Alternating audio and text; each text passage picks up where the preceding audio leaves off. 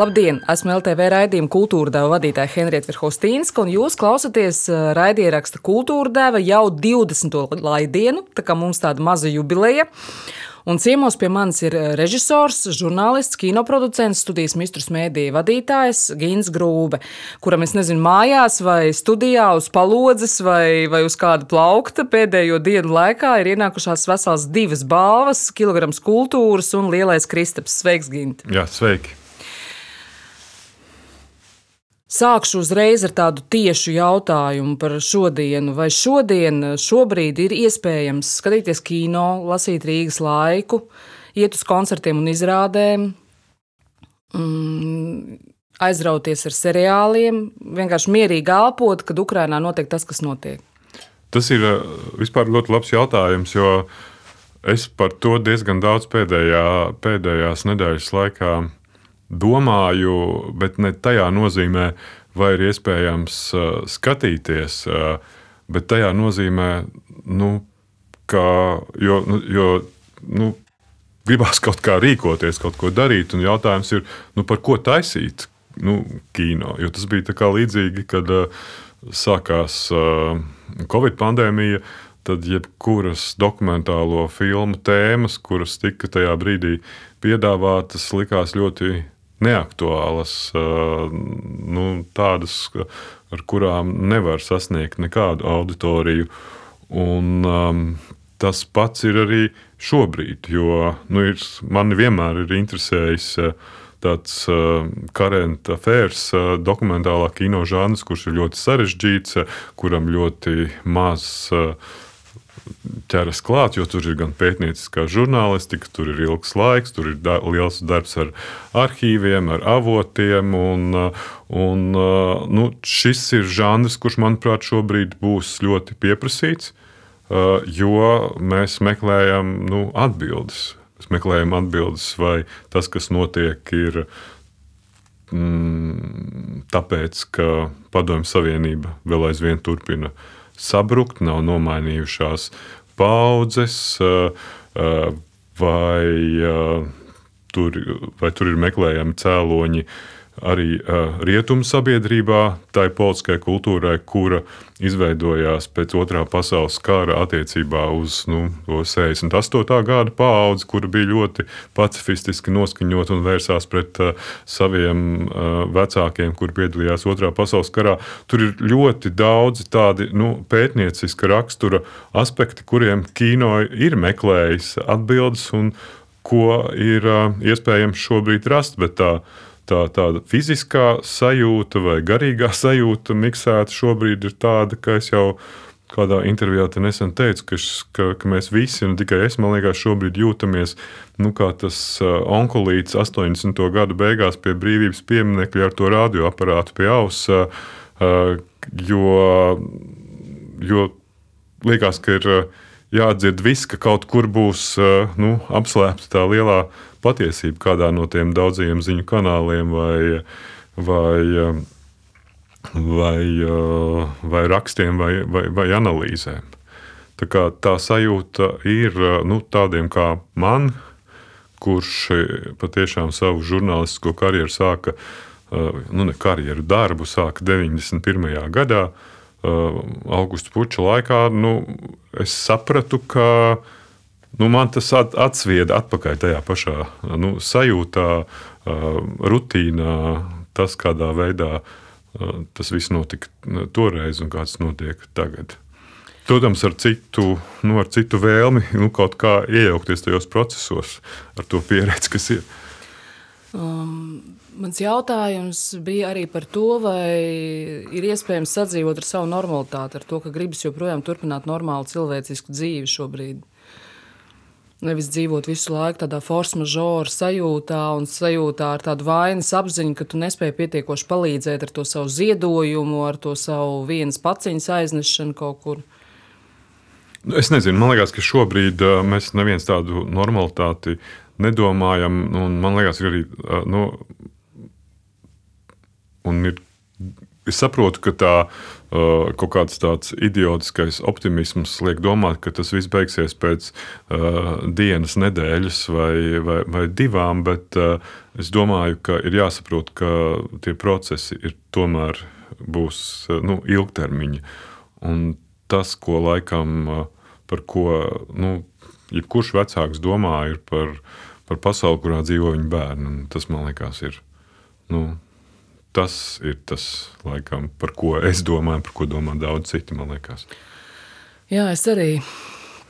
Nu, ko šī brīža kara darbība, par kuru mums diezgan detalizēti šajā mēdīņa laikmatā liecina vairāk avoti, ko tā savukārt liecina par cilvēci? Vai ir labās ziņas un sliktās ziņas, vērojot šo karu?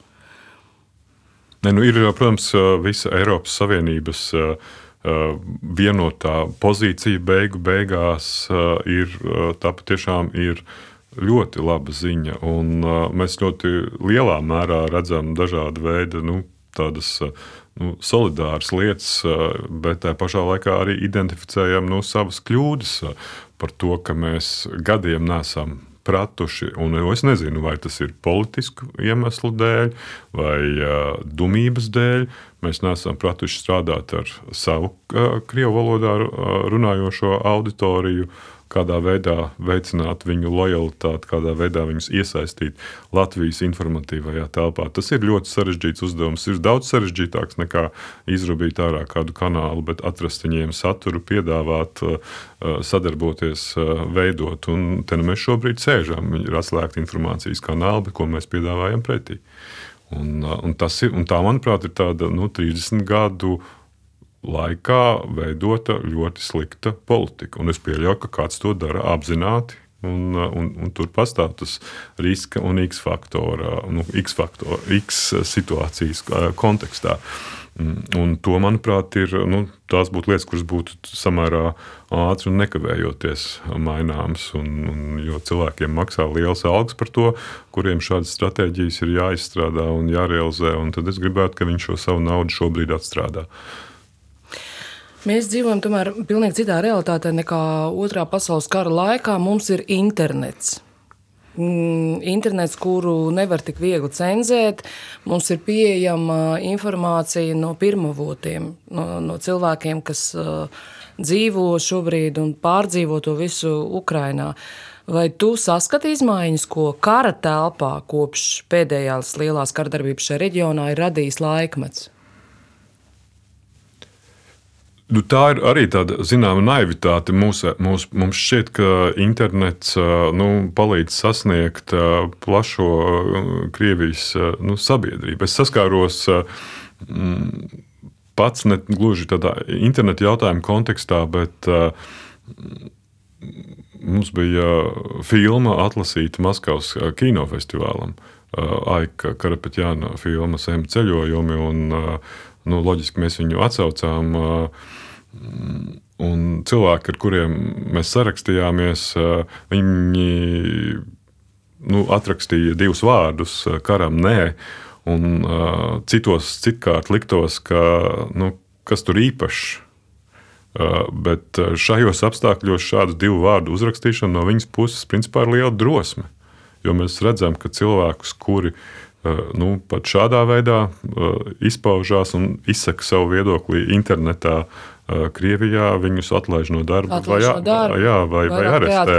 Nu, tad iedomājies, par ko mēs vispār nu, runājam. Nu, Un, bet, un arī internets ir atslēdzama lieta. Mēs taču dzirdam, ka Krievija būvē savu internetu, jau, vai vismaz attīstīja ideju par savu internetu.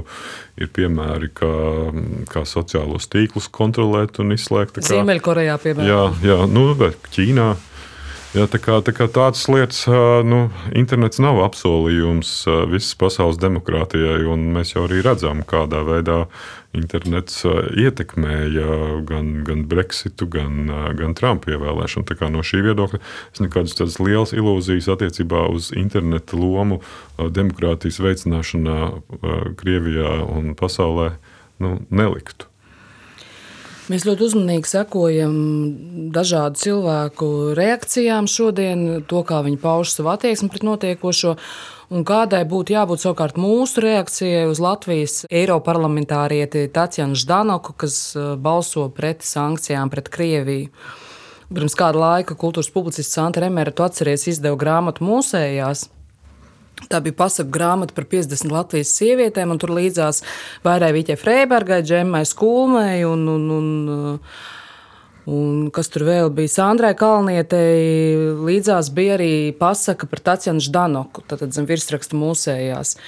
Un acīm redzot, mēs nekur no tā nevaram likties. Nu, viņa ir mūsējā, viņa ir ievēlēta no Latvijas vairāk kārt Eiropas parlamentā. Es nezinu, man viņa nav nekāda mūsējā. Es viņu neuztveru kā mūsēju. Varbūt uh, rakstniece viņu uztver kā savējo, bet uh, es uh, esmu patiešām uh, politiski angažēts jaunietis no 80. gadu beigām, no atmodas sākuma, ar ļoti labi atmiņā, ir nu, pietiekami labi saglabājušos atmiņu, lai es atcerētos Tatjana Ždanaku 80. gadu beigās un šobrīd. Un, Man viņa nav nekāda mūsēja atvainojos. Es tiešām nesaprotu šādus te, uh, literārus uh, izpausmes, nu, jo tā ir nu, ir tomēr kaut kā, nu, nu, nu, es saprotu, ka tā ir jaunāko laiku vēsture, bet nu, eh, periodika LV šobrīd ir brīvi pieejama. Nu, ja kāds kaut ko nesaprot, tad lūdzu iegūlējiet Tatjana Ždanoka pēdējo 30 gadu laikā. Droši vien saņemsiet eh, ap tūkstotis dažādiem rakstiem, un pirms izlasiet, un tad rakstiet no savas literārās vai mākslinieckās versijas. Es vairāk biju domājis to, ka Tatjana Ždanoka, es neloloju pret viņu nekādas Jā. simpātijas, un vēl jau mazāk pret viņas pozīciju faktiski gandrīz visos man svarīgos jautājumos, bet uh, tomēr nevar neņemt vērā, ka viņa ir ievēlēta no Latvijas Eiroparlamentā. Nu, kurā pusē viņa nostāsies cik stundā, nu kāda mūsējā, par ko mēs runājam? Māksla un politika. Un par to jau tu mazliet runāji ar Gundu Vaivodi. Intervijā Radio Klasika ļoti laba intervija ar skaudību to izlasīju. Sapratu, ka Gunda ir aizteikusies man priekšā. Uh, savu prokremlisku nostāju nekad agrāk neslēpjošais diriģents Valērijas Gergievs Vīnē un Minhenē ir nobanots. Tad viņš ir atcēlts no, Vīns, no Minhenes filharmonijas galvenā diriģenta amata. Un arī ar soprānu Alniņa Trepko Bavārijas valsts opera ir lauzus attiecības, jo mēs atceramies Anniņa Trepko nostāju pret notiekošu Ukrainā jau no 14. gada, kad viņa pozēja Doņetskā ar Luhanskas, Doņetskas apvienotās republikas um, vadītāju un ar attiecīgo separātistu karogu. Un, eh, vai mums ir kaut kā jāņem vērā šī banošanas pieredze attiecībā uz māksliniekiem šeit, Latvijā? Es domāju, ka jā, mums būtu jāpiedāvā arī platforma izpausties tiem Krievijas māksliniekiem, kuri un inteliģentiem, kuri ir pret karu Ukrajinā un nu, tiešām piedāvāt iespēju viņiem paust savu pozīciju. Jo mēs viņu varam izplatīt pasaulē, un uh, viņi sasniegs šo auditoriju. Jo, jo nav jau arī nemaz tik daudz uh, Krievijā to cilvēku, kuri uh, ir publiski iznākuši un, un, un pateikuši savu viedokli. Un, zinot to, kāda ir ietekme gan uh, popkultūras pārstāvjiem, gan uh, gan vispār kultūras pārstāvjiem tajā lielajā kultūra telpā, tas ir ļoti būtiski. Ja mēs uh, lasām dažādus socioloģiskus pētījumus, cik lielā mērā pieaug atbalsts uh, Putinam pēdējo nedēļu laikā, uh, tas, protams, atgādina tādu nu, padomju Savienības socioloģiskās aptaujas, kurās droši vien arī neviens neteica patiesību vai to, ko domā, un to varēja izpētīt tikai viņu nu, mākslas darbos vai literāros darbos, meklējot zemtekstus. Uh, bet šajā gadījumā man šķiet, kamēr mūsu telefona sakari vai cita veida sakari nav atslēgti, un tie ir daudziem kolēģi, jo mūsu mākslinieki ir strādājuši, un arī mūziķi strādājuši visā pasaulē.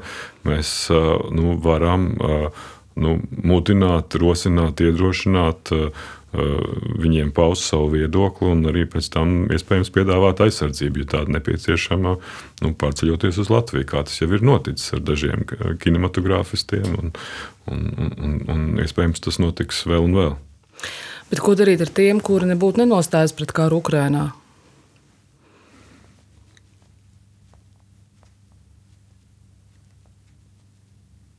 Pirmkārt, es tāds. Nu, nepazīstu. Tāda tavā burbulī nav. Jā, nē, nē, es, protams, kā esmu. Es jau vakar runāju ar dažiem politologiem par to jautājumu, ka, ka žurnālistiem un tādiem zinātniekiem, šo, politikas zinātniekiem šobrīd būtu arī nepieciešama tomēr nodrošināt pieeju arī Krievijas propagandas kanāliem, lai analizētu un saprastu, nu, kas ir tā propaganda, kādā veidā tiek veidot. Bez mazliet tā kā es smējos, tā kā tāds specifons uh, padomju laikā, jo, jo, jo tur patiešām es viņu uh, tīri uh, žurnālistiku interesi nu, skatījos. Uh, lai analizētu, kāda veida nu, ideoloģija, kāda veida propaganda tiek veidot, kādi atslēgvārdi tiek veidoti, lai uh, nu, sabiedrību uh, šādā veidā nu, nu, musinātu, apmelotu, jo tā ir būtiska, būtiska lieta, kāda veida. Jo mēs ļoti daudz, starp citu, redzam pēdējā laikā nu, diskusijas par uh, valodu šajā kontekstā, kas ir tāda nu, klasiskās nu, propagandas uh, dzīves daļa. Vai, es, vai mēs uh, Krievijā tur ir jautājums par to, vai, vai, vai, vai tā ir humanitāra operācija vai karš, kas ir nu, tīri tāda valodiska līmeņa diskusija, kas tiek pieņemta ar lēmumu Latvijā. Mēs redzam tulkotāju pozīciju attiecībā uz to, vai ir Harkiva vai Harkova. Uh, tās ir eh, daudzas tādas valodiskas eh, nu, lietas, kas mēs redzam, ka tā ir būtiska kultūras daļa, ka mums ir jāsauc lietas īstajos vārdos vai jāmeklē eh, viņām aizvietotāju vārdi, ja mēs gribam kaut ko slēpt. Un tā ir tāda, tā ir, nu, tas bija gan uh, Hitlera uh, propagandas daļa, gan tā bija arī Staļina propagandas daļa, kas ir tāda nu, totalitārās valodas veidošanās, ko mēs šobrīd varam, varam redzēt, par to ir būtiski nu, zināt un runāt.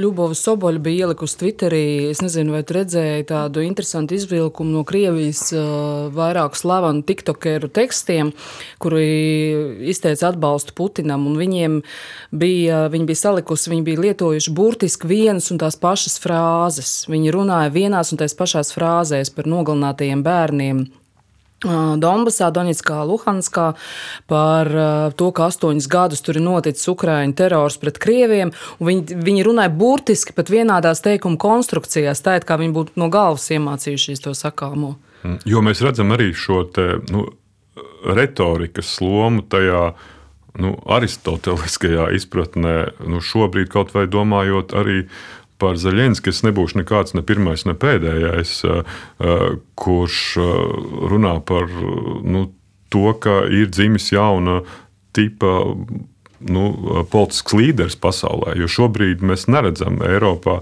šāda līmeņa politiķi, kurš, kuram, kā mēs zinām, kurš ir aktieris un komediāns, un kurš nu, šo savu talantu patiešām izmanto tādā virzienā, kurš viņu padara par. Es saprotu, ka karš uh, dzemdē varoņus katru dienu, bet, uh, bet uh, nu, šajā gadījumā šis ir kaut kas jau vairāk un lielāks, un manuprāt, ar daudz, varētu būt daudz paliekošākām sekām tādā Eiropas uh, politikā. Es, uh, Ar dažiem aktieriem te lielā Kristapā jau nu, pārunāja par to, kāds, nu, kā, kāds liktenis ir cilvēkam nospēlēt uh, seriālā uh, tautas kalps galveno lomu un pēc tam pa īstām kļūt par galveno, patiešām kļūt par šo nu, tautas kalpu un, un, un varoni. Bet šis ir ļoti interesants aspekts, jo es godīgi sakot, patiešām šo, šobrīd tādā Eiropas politikas līmenī neredzu. Bet tas nenozīmē, protams, ka es te mudinātu, ka mums vajag atkal ievēlēt ar tūrus kaimiņus vai kaut ko citu. Tam nav sakars ar to. Es runāju par kaut ko pavisam, pavisam citu, par cilvēkiem, kuri savu retoriku un uh, iemācīto prasmi uh, aktieru meistarībā neizmanto nelietīgi. Alska... Tā ir liela atbildība. Jā, tā ir. Tā ir. Alans Hermans uh, ir vērsies pie saviem krievu kolēģiem pirmkārt ar lūgumu izņemt viņu vārdu no afišām, kad viņi rāda viņa izrādes tur, un otrkārt Viņš eh, saka, es nezinu, vai tu redzēji to viņa video, viņš saka, ka eh, vairs tikai ar vēstuļu parakstīšanu nav gana, un ka viņš sagaida no saviem teātra kolēģiem Krievijā, ka viņi pārtrauc spēlēt izrādi, pārtrauc, iz, pārtrauc izrādes, pārtrauc izklaidēt publiku šajā laikā, un ka tādā veidā vēršas pret notiekošo. Vai tavuprāt, tā ir? ir nu, to teica arī Vitālijas Mans, kas es viņu intervēju Latvijas rādio. Tā bija viņa ideja, ka, ka tas ir vienīgais veids, kā ka tāds nu, globāls protests tādā mazā līmenī, ka katrs, katrs kaut ko dara, neiesaistās, neatbalsta. Uh, ka tas var izveidot to, to lielo uh, reakciju. Jā, viņš pat teica par, par, par helikopteriem, kuri varētu nevest Jā. Putinu kaut kur. Tā kā, es domāju, nu, ka Vitālijs Manskis droši vien daudz labāk pazīst to iekšienes situāciju mūsdienu Krievijā, bet eh, es esmu strādājis eh, pēdējos gados arī ar, eh, pie spēlfilmām ar Krievu kinematogrāfistiem, veidojot viņu kopžojumu filmu šeit, gan arī pie dokumentālajām filmām, intervējot, un strādājot un filmējot Krievijā. Un tas, ko mēs gan redzējām jau diezgan ilgu laiku, ka bija iestājusies nu, tā paralēlā politiskā kultūra, kuru mēs pazinām nu, padomju laikā, ka uh, mums ir virtuves sarunas, mēs uh, savstarpēji saprotamies, mēs, nu, mums absolūti neatšķirās domas ne par Putinu, ne par to, ko viņš runā, ne par to, kas ir viņa veidotais režīms, bet tajā pašā laikā nu, šie cilvēki aiz bailēm, aiz tā, ka viņi pazaudēs darbu, ka viņiem nepiešķirs kultūras ministrija līdzekļus viņu filmu veidošanai, nu, tāda zina, zināma veida nu, kolaborācija, vai kā to varētu nosaukt. Nu, tāds klasiskais padomju laika, padomju dzīves modeļa atkārtošanās mūsdienās. Tas gan bija jau vairāk nekā nezinu, 5, 6 vai cik gadus diezgan izteikta tendence tāda veida komunikācijā. Līdz pat nu, stāstiem par cilvēkiem, kuri ir gāja atbalstīt uh, it kā Serebreņikovu, sēžot un klusējot viņa tiesas prāvās. Nu, es esmu tas... bijusi, starp citu, Basmannai tiesā, tā, kad uh, tur notika Srebreņiko process, un tur tiešām bija tā, ka tur bija milzīgs skaits cilvēku, kas. Jā, bet es pēc tam domāju arī dažkārt, nu vai. Nu, tas atgādināja, zin, ka, ka tie tautas pārstāvji nāca padomju laikā nosodīt tos cilvēkus. Nu, vai, nu, to var tulkot dažādi, jo tomēr klusēšana un sēdēšana nav tomēr atbalsta paušana skaļi. Nē, tur bija vairāk tā, ka bija sapulcējies liels pūlis, kur, protams, tiesas zālē vispār neielaida, bet viņi iegāja vismaz tiesas koridorī, un kad Srebreņiko veda uz procesu, un es arī vēl saucu Vampaģerška iz Rīgi, un, un, un, un pārējie cilvēki visi kaut ko sauca, kaut, uz kaut kāds uzmundrinājuma atbalsta vārdus tam Kirilam, un, mm.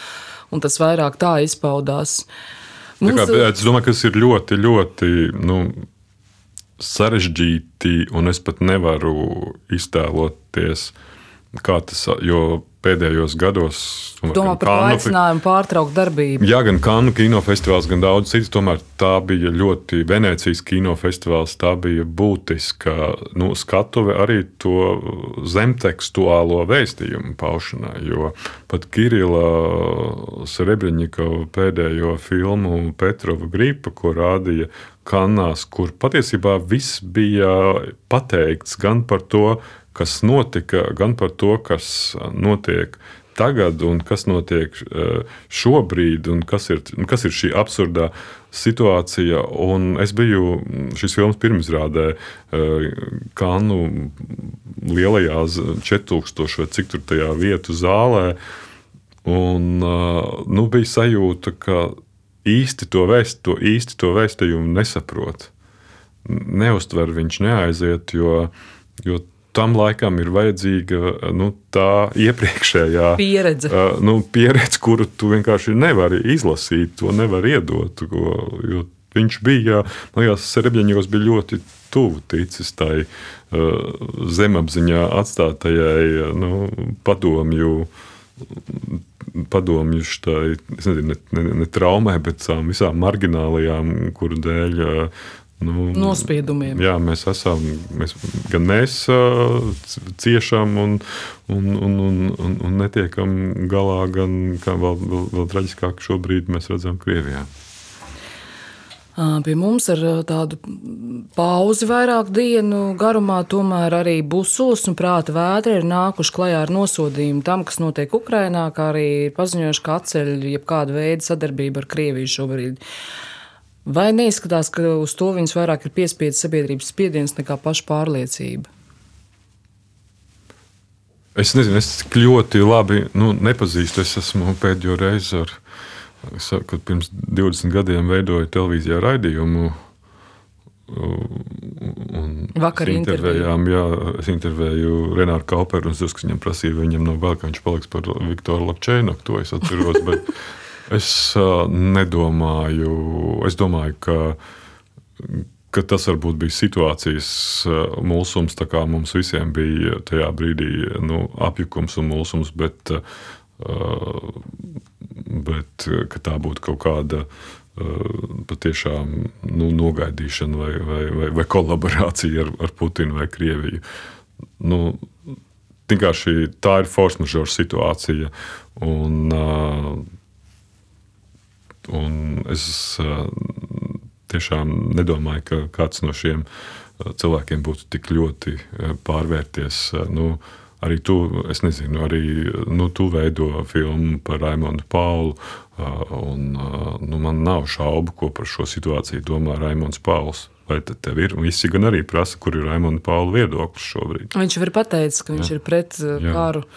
Tā kā, tā kā, tā kā es domāju, ka tas ir tāds, tāda paša veida nu, reakcija. Nu, nu, force majeure situācijā mēs visi reaģē, reaģējam dažād, dažādos tempos un ātrumos. Un, dažādos tempos un ātrumos. Eh, droši vien mēs eh, reaģējām arī pirms vairāk kā 30 gadiem eh, barikāžu laikā. Un filma Janvāris, ko producēja tev filmu studija Mistrus Mēdīja, tad tuvojas nobeigumam, es saprotu, šī filma. Jā, mēs, jā, šobrīd uh, mēs esam sākuši uh, filmas uh, ieskaņošanas procesu, montāža ir, ir pabeigta. Uh, Un šobrīd domājam par to, kad labāk rādīt filmu ar nosaukumu Janvāris. Jo ir gan notikumi, kuri, protams, nu, norāda uz zināmu paralēlismu šobrīd, kas ir filmas sižeta pamatā. Vai, tas, vai mēs viņu rādām novembrī vai tomēr janvārī. Bet jā, nu tā ir tā ir tā atbilde tiem, kuri ik pa laikam saka, nu, cik var taisīt tās latviešu vēsturiskās filmas, nu, cik var, nu, mīļie draugi, nu, tajā, kas notiek šobrīd, ir tā atbilde, kāpēc mēs to darām. Tā ir nu, tādēļ, ka, manuprāt, ka manai paudzei, un, un tā ne tikai ir manas paudzes lieta, es redzu arī mm, nu, Eiropas līmenī, nu, mūsu lielie stāsti ir tajā 20. gadsimtā. Tā, tas ir mans paudzes lielais stāsts, 80. gada beigas, 91. gada sākums. Un, nu, savā ziņā tas ir arī pienākums izstāstīt. Man liekas, ka Viestures Kāris šo stāstu stāsta ļoti godīgi. Ļoti nu, arī negaidīti, varbūt tas būs uh, daudziem, jo tas nebūs tāds stāsts ar uh, patosu. Ar, ar, ar, ar, ar patosu. Un, uh, tas būs patiešām ļoti godīgs stāsts, ko nozīmē piedzimt, pieaugt, kļūt un pieņemt lēmumus tādos nu, force majeure apstākļos, kāda bija 91. gada janvārī. Parunāsim tagad mazliet par tevi. Intervijā Gundai Vaividai manis jau minētajā radio klasikā tu saki, Tādā stereotipiskā līmenī visi domā, ka producents ir tikai tāds grāmatvedis, kurš strādā ar Excel, bet patiesībā tas ir tāds gezamtkundzverk. Radīšana no idejas līdz pat skatītājiem. Visos posmos tu esi atbildīgs.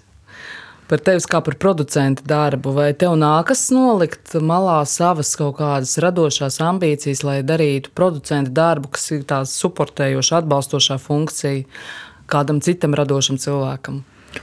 Gluži nē, man liekas, ka nu, tā mana vēlme un, un mūsu arī izpratne par to, kā ne tikai es, bet arī mani citi kolēģi studijā, gan, gan, gan Inese Bogrūba, gan Elīna Gediņa Ducena.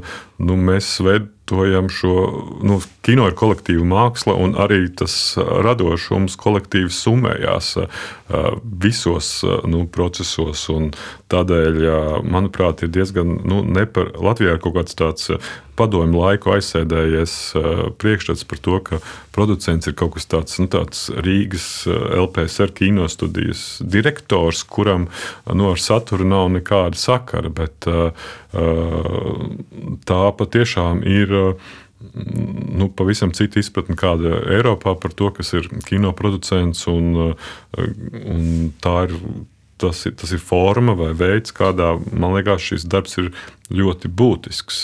Būt un palīdzēt režisoram pēc iespējas vairāk un visiem pārējiem radošiem cilvēkiem, bet kas ir visbūtiskākais man šķiet, nu, sasniegt skatītāju. Jo man ir patiešām liekas, ka nu, pirmkārt, tā ir arī atbildība. Es saprotu, ka var būt ek radoši eksperimenti, var būt visāds avangards, kam ir jābūt, bet nu, mūsdienās, manuprāt, arī šie arī tas avangards var sasniegt skatītāju, jo tā auditorija ir palikusi tik ļoti nišīga un tik ļoti sadalījusies, ka nav vairs viens veids, un nav pat viens kinoteātris izplatīšanas veids, kā es jau nu, veidojot Emīliju Latvijas preses karalieni, teicu, ka vieni iet uh, uz uh, Splendid Palace, otri iet uz uh, Kino Bīzē, un trešie iet tikai uz Forum Cinemā, un ceturtie iet tikai uz Apollo, tāpēc, ka tur dod ēst un ir ērti krēsli. Tā kā ir ļoti, mēs esam ļoti sadalījušies, kas nozīmē, ka principā jebkuru savu audio-vizuālo darbu, ko mēs producējam un veidojam, tas prasa daudz lielākas pūles, lai to auditoriju nu, sasniegtu, bet viņu var sasniegt. Un, jo pretējā gadījumā man liktos tā, nu, kāpēc ir jātērē tik lieli līdzekļi, kāpēc no savas dzīves ir jāpatērē tik daudz nervu, šūnas, laiks un gadi, lai tu izveidotu filmu, kuru tā īsti neviens pēc tam neskatās. Un kuru parāda kaut kādā nu, labākā gadījumā, nu, kādā perifērā festivālā. Nu, dokumentālās filmas, kā vienmēr mēs zinām, nonāk televīzijā beigās, un tur sasniedz to savu īsto auditoriju. Jo, jo dokumentālajām filmām, protams, es uzreiz iedomājos mūsu un Andrēja filmu dēli, kurai ir trīs seansi pēc lielā Kristapa. Nu, jā, bet tā ir. Tā es nedomāju, ka filma dēlē ir kaut kāda nišas. Tā ir tomēr tā tiešām var sasniegt daudz, da, daudz skatītājus, jo nu, tā tomēr ir kultūra vēsturiska Um, vērtība. Man šķiet, ka tas darbs, ko nezinu, arī sabiedriskie mēdīji un Latvijas televīzija agrāk veica, portretējot un, un, un veidojot stāstus par Latvijas kultūras eliti. Nu, tas jau ir tāds zelta fons no šu, šīs dienas nu, viedokļa skatoties. Un, un, uh, nu, es nezinu, ja, ja es uh, runāju ar pēc Kristapa ceremonijas ar norvēģu producentu, kurš bija žūrijā un kurš teica, ka filma Dēla ir bijis viņam patiešām šis dzīves stāsts pārsteigums, un viņš nebūtu neko nezināja ne par kāzu, ne par, ne par Virutas Dēles biogrāfiju un, viņas gleznošanas vienpatību. Tā kā, tā kā tas nozīmē, ka tas, tam stāstam ir potenciāls arī ārpus Latvijas. Ai, paldies, Mēdas, manā ausīs. Nē, es tikai atstāstu, ko man teica žūrijas loceklis. Pēc. Paldies! Vai ir atšķirība producēt filmu tikai Latvijā vai veidot koprodukcijas, kā tas, piemēram, ar satricinošo filmu Dabiskā gaismā? Kas tiešām uz mani atstāja tādu satricinošu iespaidu, un ko Mistrus Mēdī, tavu studiju producēja kopā ar uh, Franciju, Vāciju, Beļģiju un Ungāriju.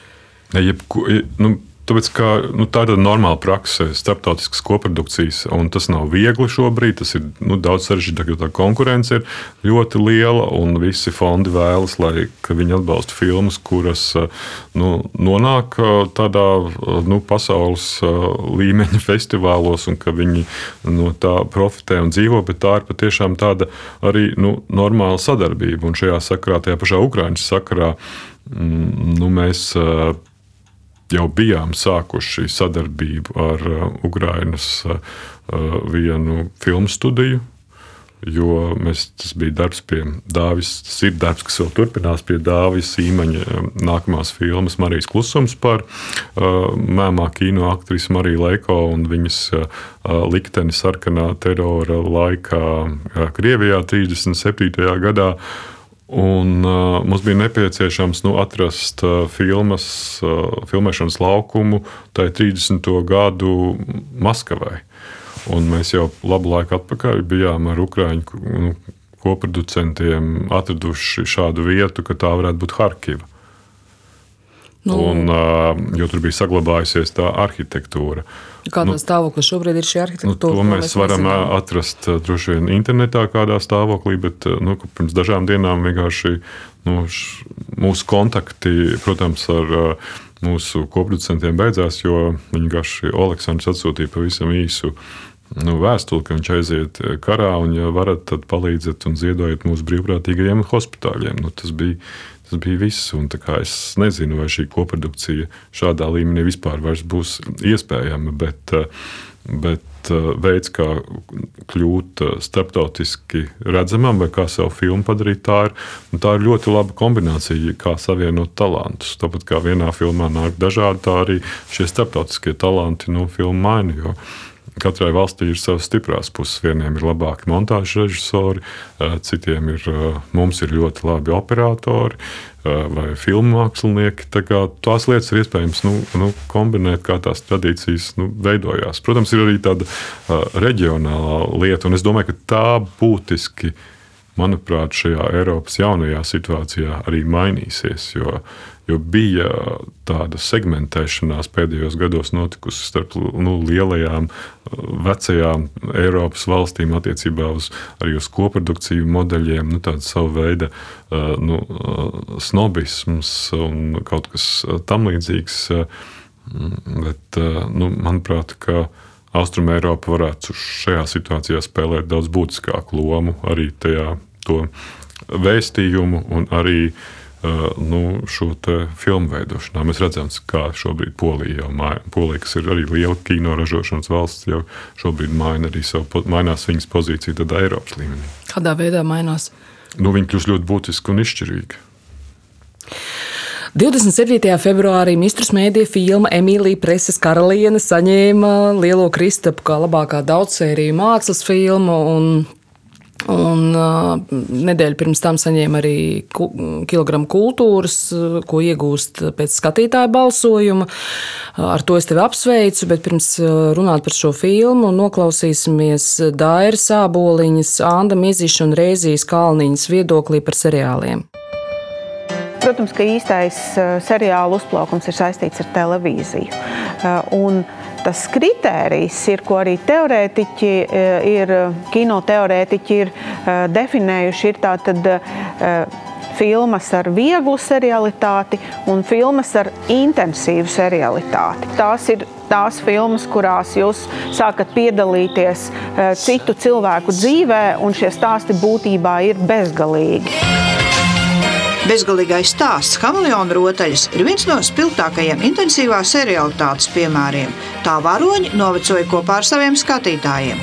Savulaik Hameleona rotaļas ietekmēja Latvijas seriālu kultūru, tāpat kā šodien to ietekmē Netflix filmas tas, ko izdarīja Netflix, kad šīs ziepju operas pārvērta pilnvērtīgos seriālos, ko mēs varam uh, Uh, līdzvērtīgi likt blakus tam, ko mēs saprotam ar spēļu filmu, kur šī kvalitātes latiņa gan vizuālā, gan saturiskā, gan aktieru līmenis, gan, uh, gan, gan, vis, gan scenārijs, ka visas šīs komponentes strādā tieši tāpat kā kino. Viss izmainījās lielā mērā par labu mākslā tajā brīdī, kad uh, šādos seriālos iesaistījās uh, liela mēroga autoru kino pārstāvji.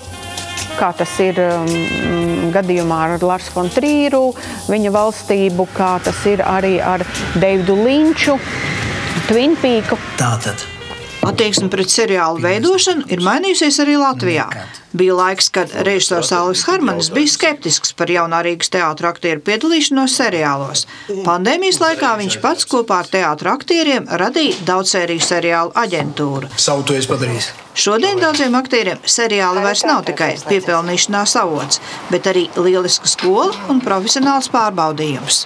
Ir kino skola, teātris skola, un tad es domāju, ir atsevišķa seriāla skola kur ir diezgan ātri jāstrādā, ātri jāorientējas. Nu, protams, tā ir arī nauda, bet es tomēr vairāk liecos uz to, ka tā ir uh, režisora un producenta ambīcija un izvēle. Vai var uztaisīt pietiekami profesionālu, skatāmu produktu, ar ko tu vari lepoties. Tas bija Dairis Sāboliņš, Anta Miziša un Rezijas Kalniņas teiktais mūsu iepriekšējā kultūra devā, kur viesojās Armāns Virbuls un Jurijs Djakunovs stāstīja par kriminālu lietu iesācējiem, par savu jauno seriālu, ar kuru arī atklāja Lielo Kristapu. Un vai tu vari piekrist, ka īstā Emīlijas preses karalienes dzīve sāksies televīzijā? Daira saka, ka seriāla tomēr tā pamata platforma ir televīzija.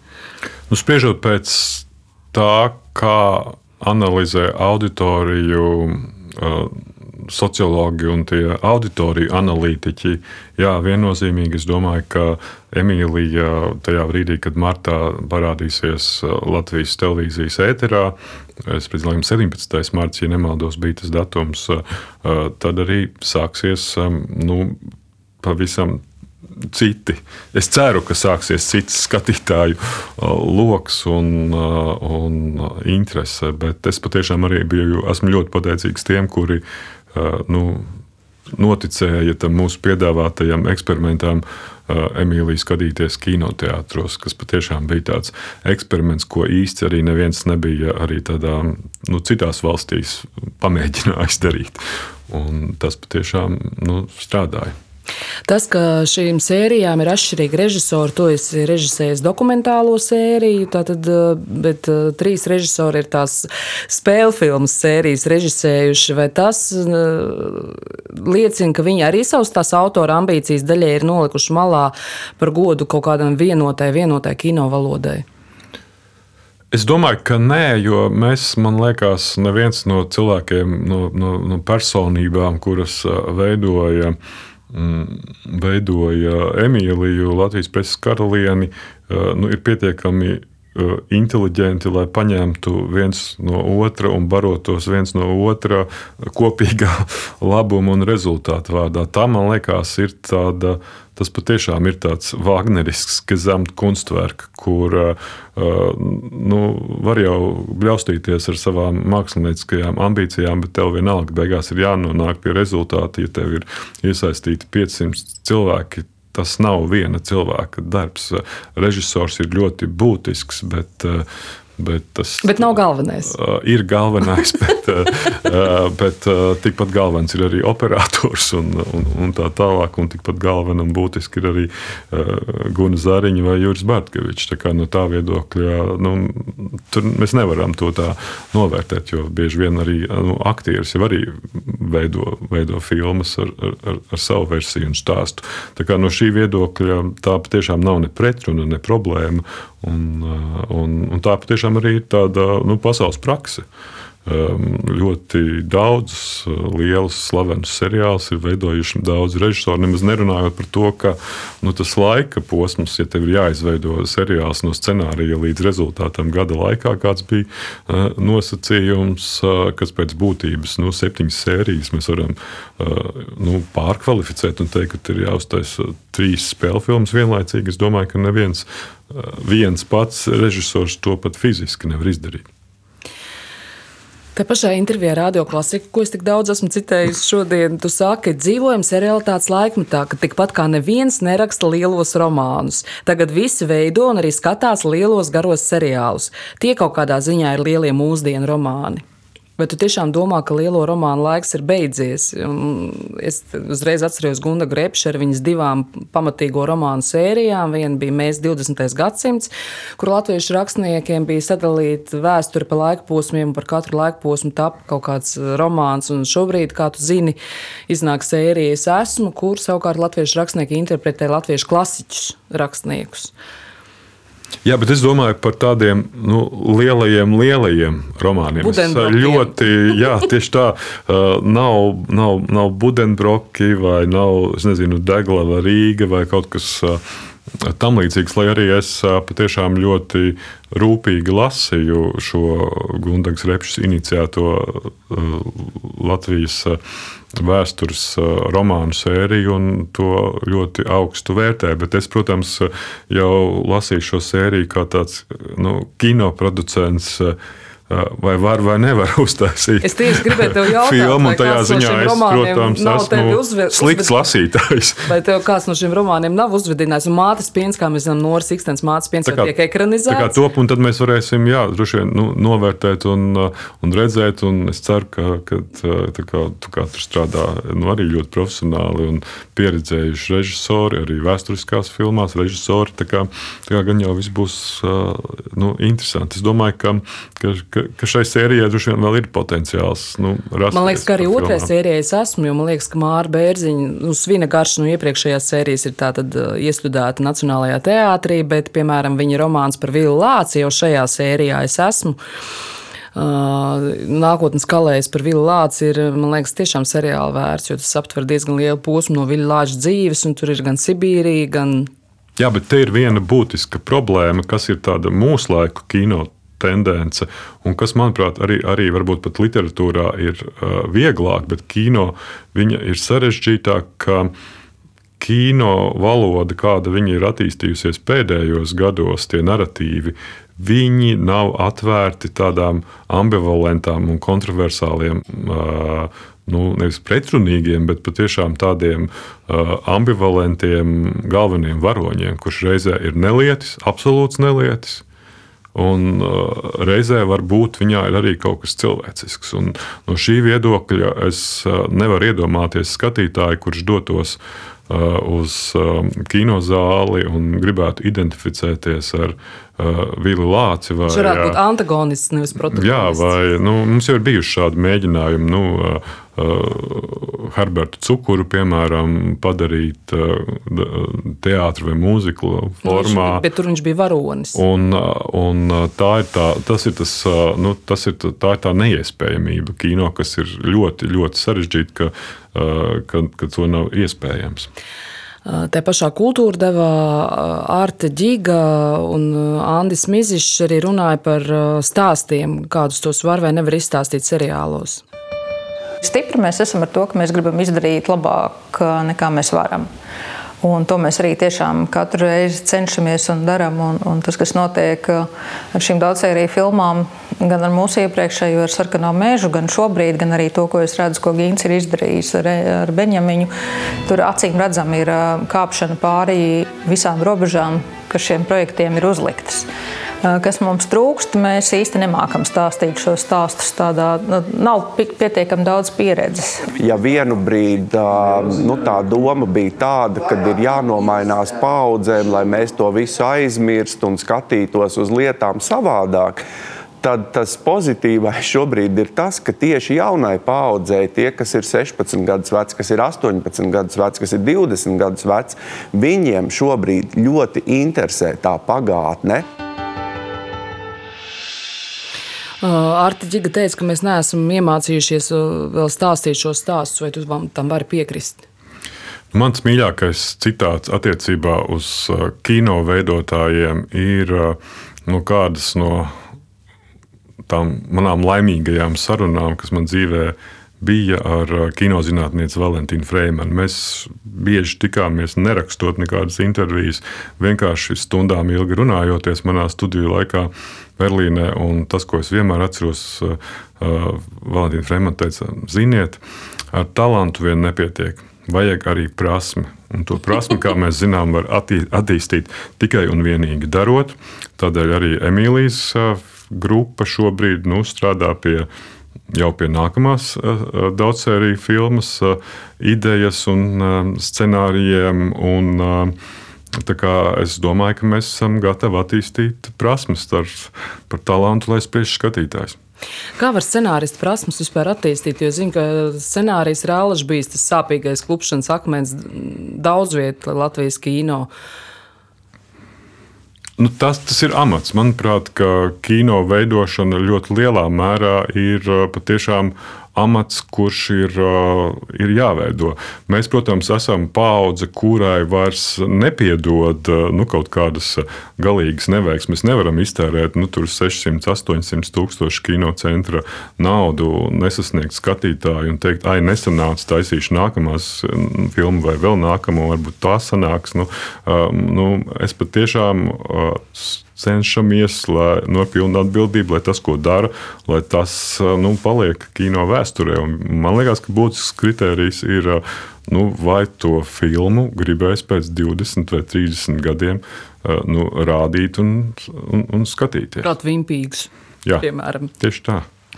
Fragmentā, ko mēs dzirdējām pirms pāris minūtēm, Andris Mizišs, režisors, saka, ka jaunajai paudzei interesē vēsture.